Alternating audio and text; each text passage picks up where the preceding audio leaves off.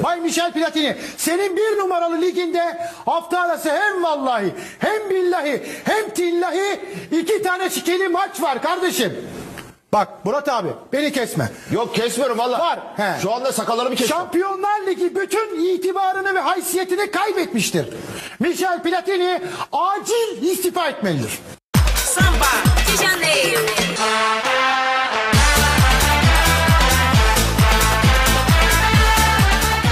Arif'im hoş geldin. Eray'ım hoş bulduk. Bu hafta alışılmışın dışında bir giriş yaptık. Çünkü bize çok fazla geri dönüş oldu. Siz bir daha kupon vermeyin. Bu işten de pek anlamıyorsunuz. Bu neydi böyle tarzı. Biz de onlara Fikret Engin'in efsanevi konuşmasıyla ufak bir cevap vermiş olduk. Olabilir futbolda bunlar var. Top yuvarlak. Bazen o top 3 direğin arasından girmez. Bazen bahis baronları bizim cebimizdeki 3-5 liraya göz dikebilir. Özellikle milli takım aralarında ve Şampiyonlar Ligi maçlarında. Yani bizim de bir suçumuz yok kardeşim. Real Sociedad 30 tane şut atıp birisini o 3 direğin arasına sokamıyorsa ne yapalım? Haksız mıyım hocam? Aynen öyle hocam. Yani öncelikle rahmetli Fi- Fikret Engin'i bir kez daha analım. Büyük bir şahıstı, büyük bir figürdü. Bay Tahmin programıyla, Bay Tahmin miydi programın adı tam hatırlamıyorum ama Ay tahmin. İnanılmaz da keyifli bir program. Evet. Hala böyle açıp izlenebilir. Aynen öyle çok keyifli bir programdı. Olmayınca olmuyor Eray'ım. O top dediğin gibi bazen girmiyor. Top girmeyince nasıl olacak Eray'ım? Yani sürpriz kuponum. Luis Ocampos. Kardeşim şu dilini bir tut be. Şu dilini bir tut be. Vermişiz Sevilla. MS1 2.5 üst. Galatasaray handikap 0 koklamışız. Banko istiyorsanız 0-1 çifte şans demişiz. Koklamışız yani 15 oranı iki maçtan ama olmayınca olmuyor. Olmayınca olmuyor. Tamam biz bilemedik. Ama şu da var. Erken kırmızı kart bahisi bozar. Aynen öyle. Ya da 60'da 2-1 öndeyken itiraz etme kardeşim. Şu dilini bir tut be. Tut be şu dilini be kardeşim ya. Yazık Bu tarz durumlar bahisin içinde var. Zaten böyle olmasaydı futbolun da iddianın da hiçbir eğlencesi kalmazdı. Biz bu bilinmezliklere aşığız bu sporun içinde diyelim. İstersen bu haftanın maçlarını zıplayalım. Onları bir 2-3 dakika konuşalım. Sonra da Beşiktaş kongresi var. Ondan sonrasında da ondan sonra bakalım. Aynen öyle yine akış şeklinde yapalım. Ben, İzledin mi bu haftanın maçlarını? ben sadece bu hafta Beşiktaş'ın maçını izledim maalesef yine. Ve e, yine keyifsiz, kötü bir maçtı. Rıza hocam artık biz bir takımda değişiklikler isteriz. Seni severiz ama bir felsefe değişimi, bir oyun değişimi vesaire görmek isteriz. Rıza Çalınbay maalesef 20 sene önceki ağlaklığından bir türlü kurtulamamış. Hala sürekli mazeret, sürekli mazeret ama iyi futbol yok. Bir şey yok. Ben zaten biraz maçı biraz kongreyi takip ettim. Tamamen Chamberlain'in sayesinde bir puan aldık. Allah sonumuzu hayretsin. Diğer maçları da izlemedim. Ben kulüp Brugge maçını da izlemedim bu ara. Da. Onlarla alakalı daha sonrasında bir yorum yapacağım. Ben e, Beşiktaş maçını izleyemedim. Ama takip ettim yani ne olmuş ne bitmiş Twitter'dan falan. Rıza Hoca'nın açıklamaları da gördüm. Yani bu Rıza Hoca'nın biraz karakteri sürekli şikayet halinde olmak ve bu tarz hocalardan, caretaker denen hocalardan biraz şu bekleniyor aslında. O olumsuz havayı biraz dağıtsın, moralleri yükselsin gibi bir vazifeleri var. Hani lig zaten bitmiş ama elimizdeki oyuncu grubu mutlu olsun. Parlatabileceğimizi parlatalım. İsmail Kartal mesela bunun güzel örneğiydi. Fenerbahçe'de yapmıştı. O sayede zaten tekrar Fenerbahçe'nin başına geçti. Yani hocam ben katılıyorum sana. Zaten biliyordum bu sorunları Rıza hocam. Sen bu sorunları bilerek bu durumu düzeltmek için camianın çocuğu olarak geldin.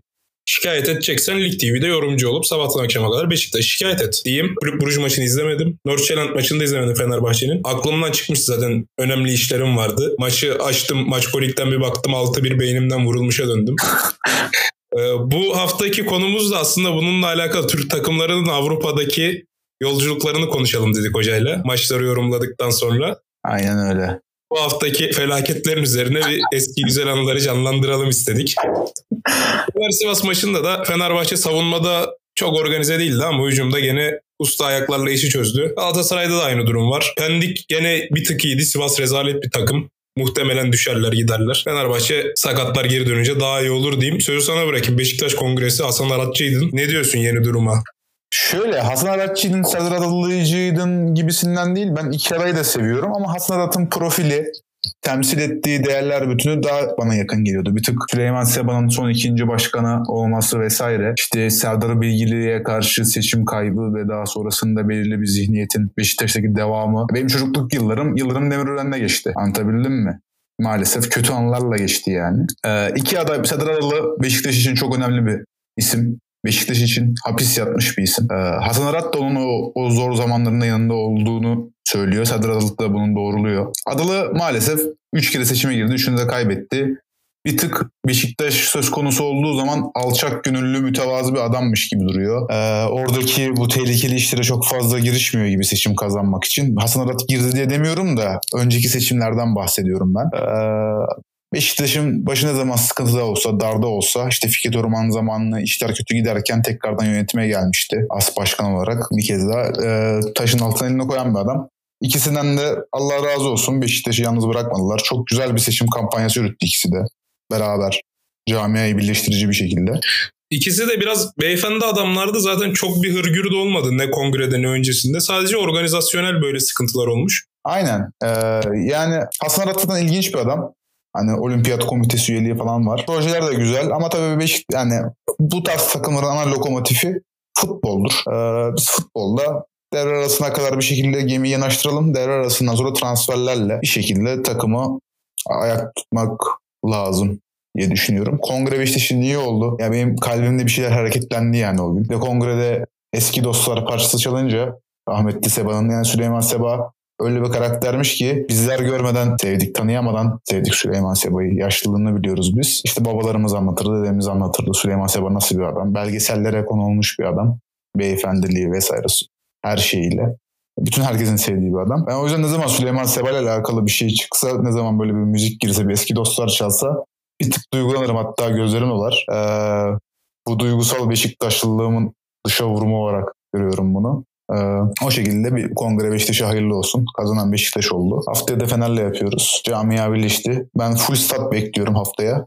Çünkü Hasan Arat aynı zamanda çarşıyı Gezi davası süresince bütün davalarına gitmiş bir adam. Yani Beşiktaş'ın içinden gelen bir adam. Ee, köy içini bilen, Beşiktaş'ı iyi bilen, Temti'yi bilen bir adam. Ben e, 40 bin, 42 bin kişi bekliyorum haftaki maçta. Fenerbahçe için. Takım kötü ama Fenerbahçe için zor bir maç olacağını düşünüyorum. Ama şunu da bir atayım. Eğer olur da Fenerbahçe bir şekilde kazanırsa %98-99 şampiyon olur. Bunu unutmayın. Ya daha çok erken Ya onu, onu söylememin sebebi ligin erken olmasıyla falan filan alakası yok. Fenerbahçe ne zaman Beşiktaş'ın önünde yenerse o sezon şampiyon olur. Bu lafımı unutma. doğru doğru. Hasan Arat'la ilgili benim düşüncem şu. Bu tarz çok profesyonel insanlar bizim futbol iklimi gibi regüle edilmemiş piyasalara girdikleri zaman o bulanıklıkla çok zorlanabiliyorlar. Ali Koç örneğinde olduğu gibi. Hasan Arat da benzerini yaşayabilir. Bu arada haftaya podcast çok tehlikeli bir hal aldı. Yani hiç, hiç farkında değildik. Hiç farkında değildik haftaya derbi olduğunu. Yani biz e, futbol konuşalım derken de e, derbiden sonra konuşuruz diye düşünmemiştik. İnşallah olaysız ve bir tarafın ya çok hak ederek ya da kıl payı kazanıp birini rahatsız etmeyeceği bir maç olur da biz hocayla podcast'i çekebilecek durumda oluruz. Çünkü bazen öyle konuşamadığımız, ilişkimize ara verdiğimiz günler oluyor derbi. Evet. Haftaya şey gibi olabilir ya. Eğer böyle çok kafa kafaya bir maç. Çünkü Beşiktaş böyle kötü zamanlarında derbi galibiyeti almasını da bilir. Hani çok tehlikelidir. Beşiktaş kötü gidiyorsa Fenerbahçe için en tehlikeli şey kötü giden bir Beşiktaş'tır. Hele bir de Kadıköy'e geliyorsa aman aman aman. aman Ya aman, bir de aman. dediğin gibi 42 bin kişi olacak stat. Stat bir şeyler oynatır yani futbolculara ki hepsinin gözünde de şu olacak. Başkan geldi devre arası geliyor. Taraftar bize kızgın bir şekilde kendilerini affettirme maçı. Galatasaray maçında da aynıydı olmadı. Beşiktaş çok da kötü oynadı o gün. Hani kazanabilirdi ama gene de çok kötü oynadı. Ona rağmen skoru da almıştık. Ona rağmen skoru da aldı. Biraz şanslı olsaydı 2'yi de bulacaktı. Derbiler tehlikeli maçlar. Fenerbahçe için de şunu söyleyeceğim genel bir yorum olarak. Jesus geçen sene Dünya Kupası arasından sonra çok aman aman bir performans sergileyemese bile son 5-6 senedir gördüğümüz Fenerbahçe'nin kırılganlığını birazcık yenmişti. Galatasaray'a mağlup oldu ama ondan sonra gene bir seri yakaladı. Beşiktaş'a mağlup oldu gene seri yakaladı. Ve ligi bir şekilde son haftalara kadar getirmeyi başardı. Bakalım İsmail Hoca bunu yapabilecek mi? Çünkü bir Trabzon'da tekledi, Adana'da tekledi, şimdi Avrupa'da iki kere tekledi. Bu Beşiktaş maçı çok kritik yani psikolojik olarak kırılmama açısından. Ben şöyle düşünüyorum. Siz bir tık abartıyorsunuz bu eşik meşik. Sizin psikolojiniz bozulmuş seneler içerisinde. Tabii, bu, tabii, Bu kadar büyütmemek lazım. Yani bu tarz şeyleri North Zealand'dan altı yemişsin. Tamam rezil, rezillik, rezalet de yani ya ne bileyim Adana Demirspor maçı 0-0 abi. Yani çok abartıyorsunuz bazı şeyleri. Bir de bunları yaşayıp bunların zararını görmenize rağmen çok abartıyor bence Fenerbahçe bunları. Ee, eski, yani eski Fenerbahçe'ye zaten girmeyeceğim. Şimdi duygulandırmayalım seni, ağlattırmayalım. Ee, ama Fener Beşiktaş'ı kaybetse bile Fenerbahçe bence hani sen geçen hafta şey dedin ya oyunla kazanmak lazım vesaire vesaire. Bence ligin oyuna en oturmuş takımı yine de Fenerbahçe. Ne olursa olsun. Yani o açıdan rahat olmalısınız bence. Oturmuş bir oyununuz var. Beşiktaş 15-16 sezonunda Kadıköy'de maç kaybetti abi. Ama Zaten şampiyon oldu yani. Yenilebilirsin ama kırılmaman lazım. Fenerbahçe bunu çok defa gösterdiği için taraftarın da bence asıl endişesi bu. Ha bunu da yapan, bir kısmını yapan da taraftar. Bence çoğunluğu Ama- taraftar. Çoğunluğu taraftar haklısın. Bu süreçte birazcık işte hocanın, yöneticilerin devreye girmesi lazım. Tabii ki de futbolcular bunu ölüm kalım maçı olarak bakmayacak. Buraya kadar iyi geldi. Yani buraya kadar iyi geldiler dediğim herkese sorsalardı 14 haftada 12 galibiyet herkes buna kabul ederdi zaten. Aynen öyle. Ama Fenerbahçe taraftarında hala böyle bir öldük bittik havası var. Ki ben bazı sebeplerini de anlıyorum. Ama işte buna da gerek yok senin dediğin gibi. Sağlam kalıp devam etmek lazım. Valla haftaya için heyecanlandım ya derbi. Hatta keşke İstanbul'da olsam da statta şöyle bir kendimden geçsem diye şey oldum ya. Fenerbahçe maçları her zaman özeldir Beşiktaşlar için. Tabii canım. Yarın. Yani Galatasaraylılar bir tık kızacaklar. Ben bu konuda biraz da şeyim. Ben Galatasaray Fenerbahçe derbisinin böyle marketinginin bir tık darbe ürünü olduğunu düşünüyorum. 80 darbesi sonrası. Yaratılmış gereksiz bir e, kıyas olduğunu düşünüyorum. E, bir tık e, yapay bir derbi olduğunu düşünüyorum. Türkiye'nin en bilinen derbisi o olduğu için söyleniyor ama hani eski derbilere göre okuduğumuzda da İstanbul derbisi Fenerbahçe Beşiktaş'tır deniliyor. Ha bunun önemi yok. Yani Türkiye'nin en fazla taraftar grubunun Fenerbahçe'de ve Galatasaray'da olduğunu biliyoruz. Okey. Türkiye'nin en büyük derbisi olarak da kabul edilsin. Umurumda değil. Hani yapay olup olmaması. Ama bence futbol kalitesi olarak da, tribün kalitesi olarak da, e, tarafların birbirine yaşattığı şeyler olarak da bence Fenerbahçe-Beşiktaş rekabeti daha eğlenceli ve daha keyifli bir rekabet. Hem tribün olarak, tribün olayları olarak hem de e, maçlar olarak çok efsane maçlara her zaman sahne olmuştur. Kadıköy'deki maçların önündeki. Ha, geçen hafta konuştuk. Üç üçlük maç. Yani aynısı Kadıköy'de de oynandı mesela. çok Hiç- çok fazla ikonik an var. çok Fenerbahçe fazla ikonik an var. Ama şunu da biliyorum yani Fenerbahçeli olarak gerçekten Fener Galatasaray maçlarında şunu hissediyorum. Ülke bir duruyor iki saat. Evet. Bir sessizlik oluyor. O konu zaten artık taraftar e, sayısıyla alakalı ama kültürel olarak daha uzun süreli rekabet Fener Beşiktaş arasında. Ha bu konuda da şöyle bir şey söyleyeyim. Türkiye'deki her takımın taraftarının beklediği derbi Fenerbahçe ile oynadıkları maç. Bu da Türk futbolumuz adına bir şeyler anlatıyor diyeyim ben. Alakası yok da neyse. Alakası, alakası yok da neyse. Yani İnşallah güzel futbol izleriz. Güzel tribün izleriz. Fenerbahçe'miz de kazanır. Bu sene artık yani bize bir çelme takmanıza bence hiç gerek yok. puan farkı kaç ki hoca? 10 mu? 11 mi? Vallahi hiç takip etmedim. Öyle bir şey. Bakmadım Beşiktaş'a. Ben puan farkında Galatasaray olan Galatasaray düşecek abi bak görürsün. Ya oraya gireceksek şöyle düşebilir. Bazı oyuncular gerçekten çok yüksek profil ve bu yüksek profil futbolcular Şampiyonlar Ligi hedefi bittiği an futbola biraz mesafe koyabiliyorlar. Beşiktaş bunun en yakın örneği. Çok iyi yaşadı bunu. Yani zaten konumuz da buydu. Avrupa'da Türkler, Türk takımları. Aynen. Biz bunu yaşadık. Fenerbahçe'de yaşadı o 2008'de Ya Şampiyonlar. işte o meşhur por favor olayı olmasa aslında yaşamıyordunuz ama Yani zaten evet öyle de bir durum var ama gene de şu olur hep yani önü arkası sıkıntılıdır bu tarz maçların. Futbolcuyu motive etmek öncesinde zor önceki maça. Adam sakatlanmak istemez. Kötü oynayıp yuhalanıp morali bozulsun istemez.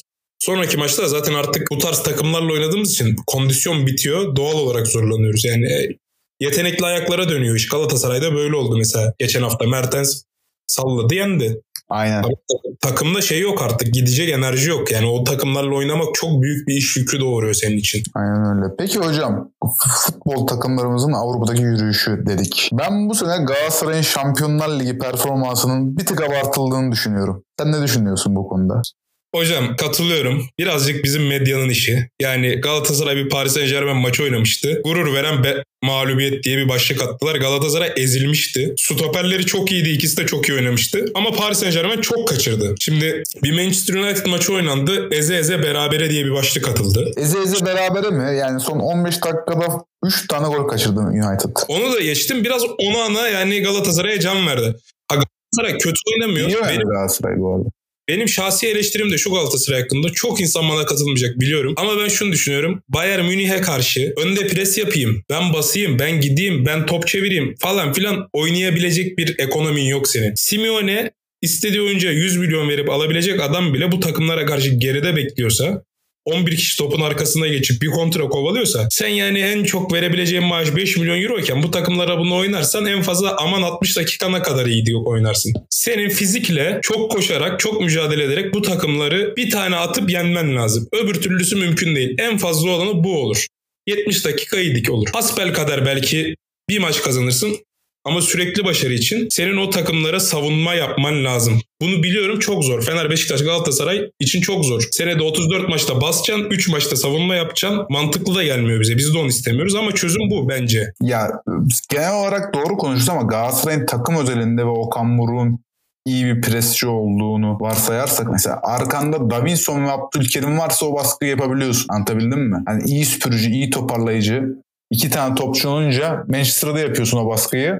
Ki Manchester'a yaptılar, gol attılar deplasmanda. Manchester büyük ihtimal öyle bir baskı beklemiyordu. Çünkü ilk maçta, ilk deplasman maçıydı Galatasaray'ın. İlk, maçıydı.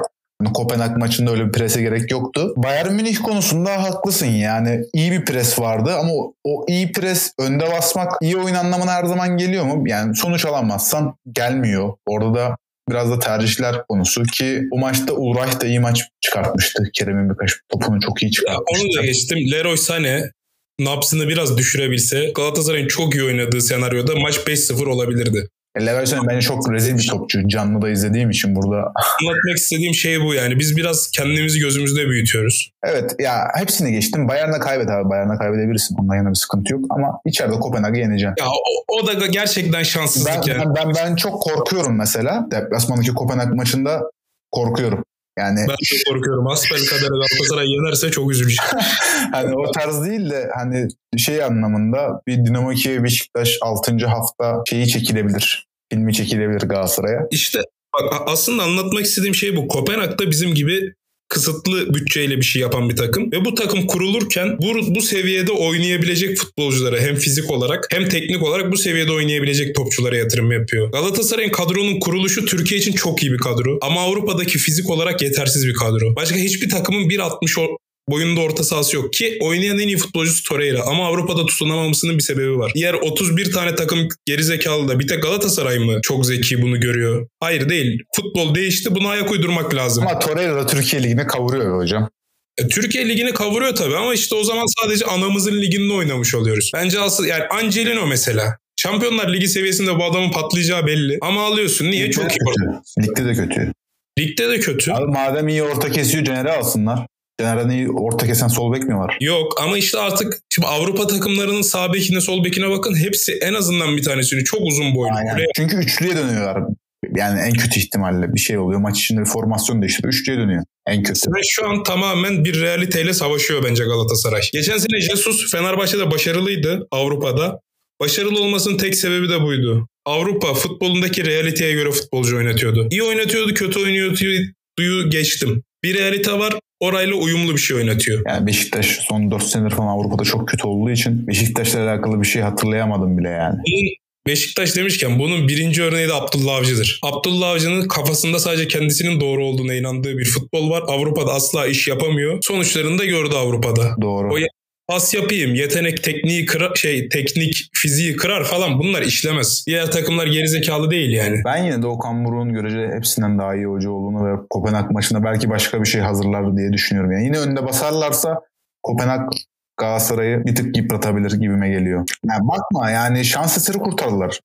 5 dakikada 2 gol attılar falan filan. Ama Yani iyi oynamışlardı. Gerçekten o maçta Galatasaray çok şanssızdı. Evet iyi oynamışlardı. Hani 2-0 olması şanssızlık, 2-2 olması şans ama overall'a baktığın zaman Galatasaray'ın 20 dakikada koparması lazımdı. Evet öyle. Evet katılıyorum. Okan Buruk'un maç planları bence de güzel. Özellikle geçen sene ilk Fenerbahçe maçında o Barış Alper Yılmaz'ı öne atıp Fenerbahçe'yi paramparça etmişti. Ben zaten o maçı izlerken 10. dakika dedim ki Allah vere de dedim bir tane atıp çıkalım buradan. Çok kötü bir yere gidecek. Yenileceğimiz Gitti zaten. Çok kötü bir yere gitti maç. gitti. Yani ben oradan gördüm. Jesus hiç göremedi. O da o abimizin de biraz derbilerde Ama biz bu şeyleri çok izledik hoca. Bu senaryoları çok izledik biz. Aman geliyor aman gidiyor. Ben mesela geçen sene Dinamo Kiev maçında bir ön elemede biz bir gol yedik. Karavayev'den hatırlıyor musun? Sağda neyse hatırlamada da çok gerek yok da. Bir oyuncu topu aldı sağ tarafı uzun attı. Sağdaki de içeri çevirecek biliyorum. Sağ uzun atmadan yapma diye bağırdım. Benim Yap- Hasan, Ali, Hasan Ali'ye yapma diye bağırdığım gibi. Yani artık biz Türk takımlarının Avrupa'da yiyeceği golleri biliyoruz yani. Bizim niyeyse bütün Türk takımlarının bir sağdan sola uzun attıkları zaman Dengesi şaşıyor değil mi? uğru bozuluyor yani. Ben bunu dünyada başka hiçbir takımda görmüyorum. bir o bir de rakip takım çizgiye iniyorsa bizimkiler bir şey oluyor. Yani genellikle arkadan kopan 8 numarayı diğer eşek takip etmediği için o altı pasta penaltı noktası arasında o 8 numaranın vuruşuyla golle bitiyor pozisyonlar. Birisi çizgiye indiyse Türk takımında karşı eyvah diyorum ben. Bunu, bunu 100 kere yaşadık. Hızlı hücum gördü mü bizim Türk'te? Ayağı hızlı hücum gördü mü afallıyorlar. Kanka inanılmaz. Zaten sonrası spikerin sessizliği. Bizim takım üzgün. Çıt çıt bir stadyumda sadece Kievliler çığlık atıyor. Yakın çekim. Yani bu, bu senaryoyu 3 takım 4 takımımız için de yaşamaktan o kadar yoruldum ki. Kanka bir de şöyle bir şey var. Ertem Şener geri döndüğünden beri anlattığı Türk takımlarının maçı anlattığı hiçbir maçı kazanamamışlar gibisinden bir istatistik vardı. Galiba o devam ediyor. Sizin North Zealand maçını da Ertem Biti gördüm üzüldüm ya. ne ne yazmış? Ben istemez miyim Türk takımları yensin üzgünüm falan yazmış. Duygusal bir şey yazmış. Yani Ertem Şener reklam panolarına şekli. Onu gelmişken şunu söyleyeyim. Ya spikerler lütfen. Ertem Şener bir örnek. Onun gibi olmaya çalışmayın. Sizi TikTok'a atsınlar diye uğraşmayın. Biraz efendi gibi şu maçları anlatın geçin kardeşim. Bağırıp çağırmayın. Vallahi eski spikerler var ya TRT'de bu 70'lerin maçlarını Aynen. anlatan. Orta geldi. Tanju vurdu topu ağlarda. Ya keşke öyle anlatsalar ya. Adam çığlık atıyor. Tamam? Trabzon Kayseri maçı. Adam çığlık atıyor. Telefona bakıyorum. Kafayı çeviriyorum maça. Abi hiçbir şey yok. 4 metreden top out'a gitmiş. Bizim spiker çığlık atıyor. Spikerlerde ciddi bir kalite düşüşü var. Alp Özgen anlatıyor Fenerbahçe'nin Avrupa maçlarını genelde. Ben anlatmasın. Ee, bir tık abartıyor Alp Özgen gerçekten. Belki de Fenerbahçelidir bilmiyorum ama bir tık abartıyor. Fenerbahçeli değil Alp Özgen. Alp Özgen bir tane Fenerbahçe Kiev maçı anlattı sanırım. Millet hayran oldu. Niyeyse çok bağırıyor diyor. İşte TikTok'a edit çıkıyor ya. Hmm. Crespo gol atınca 3 saat Crespo'nun anasından giriyoruz. Acıklı hikayesinden çıkıyor ya. Onu da Twitter'daki editçiler edit yapacak ya. Alp Özgen de herkese hikaye yazmaya başladı. Ya bir de kardeşim sen teknik direktör müsün ya? Adam ayağına topu alıyor. Bu diyor ki İsmail dikkat. Ferdi gel. Osayi git. Lan sana ne sen maçını anlat. Orada ne oluyorsa bana onu anlat. Taktik verme ya. Ay, ay. Ya Avrupa maçlarını mümkünse sadece ve sadece Ertem Şener aman Ercan Taner anlatmalı ya. Keşke bütün maçları Ercan Taner anlatsa. Bir Keşke. de şey Sokrates de var ya Can Ön Duygu. Ha, Sen, sen onu seviyorsun evet. Yılıyordum ben onun spikerliğine de yapmıyor sanırım şu an. Galiba yapmıyor. Yani Evet. beyinde yok onu biliyorum. Beyinde yok aynen. Kendisi de Boğun mezunudur ha. Boğun işletme mezunu galiba ya da felsefe. Öyle ilginç bir anekdot. Yani ses tonu ve anlatım tarzını ben çok seviyorum. Umarım görürüz. Ben klasik olacak ama ben Erman Yaşar'ın anlatışını, anlatımını beğeniyorum. Erman Yaşar güzel anlatıyor bence. Ee, Can da iyi anlatıyor. Can Duygu da yeni nesil spikerlerden. Ee, onun dışında aklıma pek gelmiyor. Gökhan Apti'yi severim ben. Gökhan Aptik güzel anlatıyor bence. Biz Ercan Tanerciyiz ya. Ya yenilerden diyorum. Eskilerden Ercan Baba. No Genel- bir kafa üstüne hata. Şekli. Bir Kafa üstten dışarı. hani o şekilde. Attı Kadıköy ayağa kalktı. Aynen öyle. Abi Ercan Taner'in derbi anlatımları. Uf, uf ya. Ercan Taner'i gördüm Arif. Dedim ki abi dedim çok koyu Fenerbahçeliyim. Sırf sen anlatıyorsun diye Galatasaray'ın maçlarını izliyorum Avrupa'daki. Tekrar tekrar. Çok teşekkür ediyorum dedi. İnanılmaz kibar biri. Bizi muhtemelen dinlemiyor ama futbolu güzelleştiren o efsane bir Süper Lig erası var ya o eranın yıldızlarından birisi o. Bu 2002, 2007, 2007 aynen. Ya 2007'den sonra anlatmıyor galiba Lig TV'de. Hani Sergen attı şampiyonluk geldi'den Alex'ten Samba şekli çıkışlarına. Ki Rıdvan Dilmen'le olan uyumları da çok iyi. Evet inanılmaz. Doğru söylüyorsun lan. Şimdi aklıma geldi bak. Ya herhangi bir derbi izleyin. O sene o senelerde Rıdvan'la Ercan Taner'in anlattığı ya da milli maçlarda çok buluşuyorlar. Rıdvan Dilmen gerçekten böyle nasıl söyleyeyim geleceği görüyormuş gibi hissediyor. gol hep tutuyormuş. Rıdvan Hep tutuyor. Yani Alex topu alıyor. Rıdvan Dilmen diyor ki yaptı golü. Ve gol oluyor. Ya da dikkat diyorsa golü yiyoruz. İşte o maçındaki yapmanın çok daha ötesindeki hali Rıdvan Baba. Ben de Rıdvan Dilmen'le fotoğraf çektirmiştim. Etiler Alkent sitesinde. Galiba orada otur, oralarda takılıyor bilmiyorum. Ben spora girdim bir baktım Rıdvan Hoca. Bir daha baktım Rıdvan Hoca. Dedim adam şimdi şey sıcaktan sırtına havlu e, havlu kağıt yapıştırıyordu şeye otoparktaki gü- güvenlik görevlisine. Ya galiba sırtı terlemiş hocamın. anladı bizim baktığımızı arkadan dedi ki gençler fotoğraf mı çektireceksiniz? Ya hocam rahatsız etmek istemedik laf. Olur mu ya gelin gelin yaptı böyle. O gün de akşam Beşiktaş'ın maçı vardı. Böyle ayaküstü konuşmuştuk. Rıdvan hocamla fotoğraf çektirmiştik. Güntekin de orada oturuyordu bu arada. Aynı spor salonuna gittiğimiz için biliyorum oradan. Şeyi hatırlıyor musun? Ben de bir gün maç izliyoruz. Maç devreye girdi. Sana dedim ki şu Rıdvan'ı aç. Açmadın. Bir dakika sonra şey dedim. Açsana Rıdvan'ı. Şey diye çıktın ya. Hay açacağım Rıdvan'ını ya. 15 yıldır devre arası Rıdvan izliyorsun. Abi harbiden 15 yıldır devre arası açarız Rıdvan'ı. Bir 10 dakika ne diyor kral? Ay anlatsın bakalım bir şeyler. İtor döneminde biraz küslük oldu aramızda ama şimdi tekrardan başımızın tacı tabii.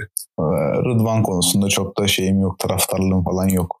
Hocam Avrupa'ya gelelim. En sevinçli Avrupa maçın neydi? Sevindiğin Avrupa maçı. Bir de en üzüldüğünü soracağım. Kanka en sevindiğim çok tahmin edilebilir. Fenerbahçe Chelsea maçı. Hatta o maçla ilgili bir anım var. Başlarken aklımda yoktu anlatayım. Ben o maç olduğu zaman hastanedeydim. Aa. O yaşlarda bir hastalık geçirdim. 3-4 ay hastanede yattım. Bir süre hastalığı bulamadılar falan. Ondan sonra hastanede yatıyordum. İlk başta Kayseri'de sonra Ankara'da Hacettepe'ydi sanırım. Hacettepe ya da Gazi ikisinden birinde. O zaman da işte o Fenerbahçe'nin Chelsea maçı var. Dayım gitti sağ olsun bize bir tane televizyon buldu. Bu küçük portatif televizyonlar olur ya. Aynen. Ondan açtı maçı ağlaya ağlaya izledik.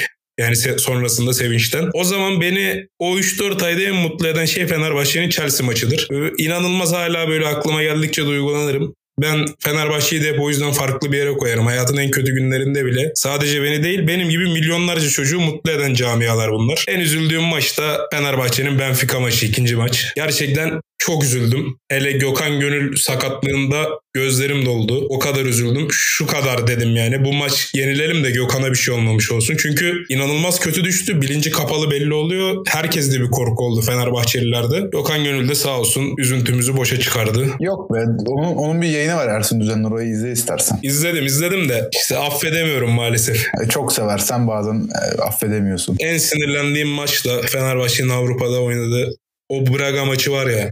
Hmm. Braga maçında böyle sinirden böyle gözlerimden yaş aka aka sigara içiyordum artık. Beşiktaşlar o sıra bizimle dalga geçiyordu ama olsun. Şampiyonluk için yarışıyorduk hoca. İyi oldu o dönem. Yani benim en sinirlendiğim maç da benim de bir hakem e, yemesi. Bizim 6 birlik Dinamo Kiev maçı. Maçın hakemi Craig Thompson. Andreas Peke kırmızı kart artı penaltı. Bize faal yapılmasına rağmen. Maçı ağzına sıçmıştı tabiri caizse. Bilenler bilir Şenol Güneş'in maçın bitiminde ağzını okuyanlar milyonların e, kalplerine tercüme olmuştu hocam, Şenol hocam. Okan Buruk hesabı. Okan Buruk hesabı aynen. Ee, ben de Kilios Yadyok'ta izlemiştim o maçı. Maç 4-0'da mı 5-0'da mı ne? Birisi yine bir 8 mi geliyor tarzı. Hadsizce bir şaka yapmıştı. Ben de o zamanlar tam öküzüm tabii. Hiç lafımı esirgemiyorum. Arkamı döndüm sert bir şekilde. Komik mi birader? Komik mi aslan parçası tarzı bir çıkış yapmıştım. Çocuk İyi hatırlıyor musun bana attığın mesajı? Neyi? Ne yapmıştım? Ben o gün sinemadaydım. Tamam mı? Çıktım bir baktım Beşiktaş 6-0 yeniliyor son dakikalar. Ben de tweet attım ama maçla ilgili hiçbir bilgim yok. Ha ha ha ha falan yazdım. 10 dakika sonra bir mesaj. Bir Türk takımını doğradılar ahlaksız adam. Ee, Vallahi Arif'im maçı izlemedim. Az Kusura bile, az bile söylemişim. Az bile söylemişim. En çok üzüldüğüm maç da yani çok saçma gelecek insanlara ama bizim e, iki Türk takımının aynı anda Şampiyonlar Ligi'nde olduğu son sezon. 2007-2008 olması lazım. 8 yediğimiz sene. İçerideki Porto maçında 90'da Quaresma atmıştı bize golü. O kadar üzülmüştüm ki. O kadar üzülmüştüm ki. Hüngür hüngür ağlayarak burnum kanamıştı kanka. Beşiktaş gibi Nevresim takımım vardı. Yastık kan olmuş. Nasıl kanamış burnum biliyor musun? Ertesi gün beni hastaneye götürdüler. Annem babama diyor hepsi senin yüzünden bu çocuğu böyle Beşiktaş'ta yaptığım başımıza da bu çocuğun burnu kanıyor da. Yani Avrupa'da çok maç üzülmüşümdür. İşte Tolga Zengin'in sporlu olma üzülürsün dedi. Ama ben gurur duyuyorum Samsun sporlu olduğum için diyor ya çocuk. Aynen, aynen. Aynen o hesap. Ki o zamanlar Beşiktaş'ın durumu da Samsun Spor'dan farksızdı yani. 100. yıl şampiyonluğunu hayal meyal hatırlıyorum. Hani kaset takıp oynamıştım evin içerisinde. Hani Sergen'i biliyorum, Tümer'i biliyorum, Paskal'ı biliyorum o kadar. Anlatabildim mi? Ee, çok çok üzülmüştüm. Hani sinirlendiğim hani Tolga Zengin'in çıkmadığı kulüp brüjü maçını olur falan bir sürü üzüldüğümüz maç var tamam ama Hani gerçekten burada kalpten üzülmüşüm ki burnu kanatmışım. Hani artık beyin artık ne olduysa vücut kaldıramamış yani. En çok sevindiğim maç da düşünüyorum ki en çok üzüldüğüm maçlardan bir tanesi Lyon maçı da olabilir yani. Ama Lyon maçında haklısın bu arada üzülmekte ya. yani evet orada bir şey gidiyor ama yani bedensel olarak e, Porto maçı diyeyim zihinsel olarak Lyon maçına çok üzülmüştüm. En çok sevindiğim Lyon maç maçında ama şöyle bir şey de vardı. Ee, hani şunu diyebilirdim bir taraftar olarak. Ya bizim çocuklar aslan gibi oynadı. Ya zaten alkışladık biz. Bütün taraftar bağrına bastı. O zamanlar Beşiktaş taraftarının böyle bir babacanlığı da vardı. Bir de şampiyonluğa gidiyoruz. Aynı sezon Benfica maçı oynanmış. O aynı sezon yani 6-7. sezonla aynı sezon olması lazım yanlış hatırlamıyorsam. Lyon maçının olduğu sezon. Tabii aynı sezon. En çok üzüldüğüm Avrupa maçı da ama en çok sevindiğim de büyük maçı ihtimalle... oynandı. Benfica değil. Değil mi? Ha? Aynı sene Kiev maçı oldu Evet, Benfica değil. Benfica maçı da aynı sene bu arada. 3-3'lük maç değil ya. 3-3'lük maçtı o sene. Ama o 3-3'lük maçta siz gruptan çıkmadınız mı? Çıkmadık. Ha. İşte biz de 3-3'lük maçta biz son haftaya kadar geldik. Namalup son hafta bir maç kaybettik. Biz o grupta bir maç kaybettik. O maç yüzünden gruptan çıkamadık. Ondan önceki sene Avrupa Ligi'nde de aynısı oldu. Ee, evet. Lokomotiv. Bir maçtan fazla kaybettiniz herhalde. Son haftaya lider Son girip sonunda Sporting Lisbon yine Tolga Zengin'in bir kaleden çıkmama faciası. Linçlendiği için ertesi hafta sonu olan Galatasaray maçında kaleye geçmek istememesi ve kaleye Günay Güvenç'e bırakması. Günay Güvenç'in hatalı çıkışı, Schneider'ın golü, Mario Gomez, Gökhan falan filan. Şampiyon Beşiktaş eyvallah. En, en sevindiğim maç da Benfica maçıydı. Yani de senin e, Beşiktaş üçlükte demirlerden düştüm dedin ya. Ben de aynı kale arkasındaydım. Ben de demirlerden düşmece. Sevinçten ağlamalı bir Avrupa galibiyetiydi. E, o şekilde. O maçtan sonra seninle konuşmuştuk zaten. Sende de şey olmuş yani. 3-3 olacağını hissediyorsun. Zaten taraftar da çağırıyor değil mi takımı devre arasında? çağırıyoruz bir de Cenk vurdu ya dedim tamam bu iş bitti. Hani bitecek yani. Çünkü ikinci yarı Benfica çıkamadı bile. Yani bir de şans, şans eseri 6 golün 6'sı da benim kaleye oldu. Benim kale arkasına oldu. Öyle garip bir durum da oldu yani. Ee, keyifliydi. Keyifliydi. Ya Beşiktaş bu konuda Şenol Güneş'e çok şey borçlu ya. Evet. Yani Avrupa'da ben çünkü hiç hatırlamıyorum onun dışında. Yani bu Teyo'nun gol attığı bir Liverpool ya da United maçı vardı. Bobo'nun, var. Bobo'nun gol attığı bir İngiltere deplasmanı vardı gene. Onlar dışın Bobo içeride Liverpool'a attı. Teo içeride. United'a attı. onlar dışında gerçekten Beşiktaş'ın Avrupa'da hiçbir şey yaptığını hatırlamıyorum küçüklüğümden. Ya bizim çocuklukta UEFA'daydık biz genellikle. Ya aynen. Hani Şampiyonlar Ligi'nde iki kere oynadık. Ee, birisinde United, Wolfsburg. Yine Porto vardı galiba. Porto olması lazım. Aynen Porto bizim belalımız zaten. Quaresma ne top oynuyordu ama ya.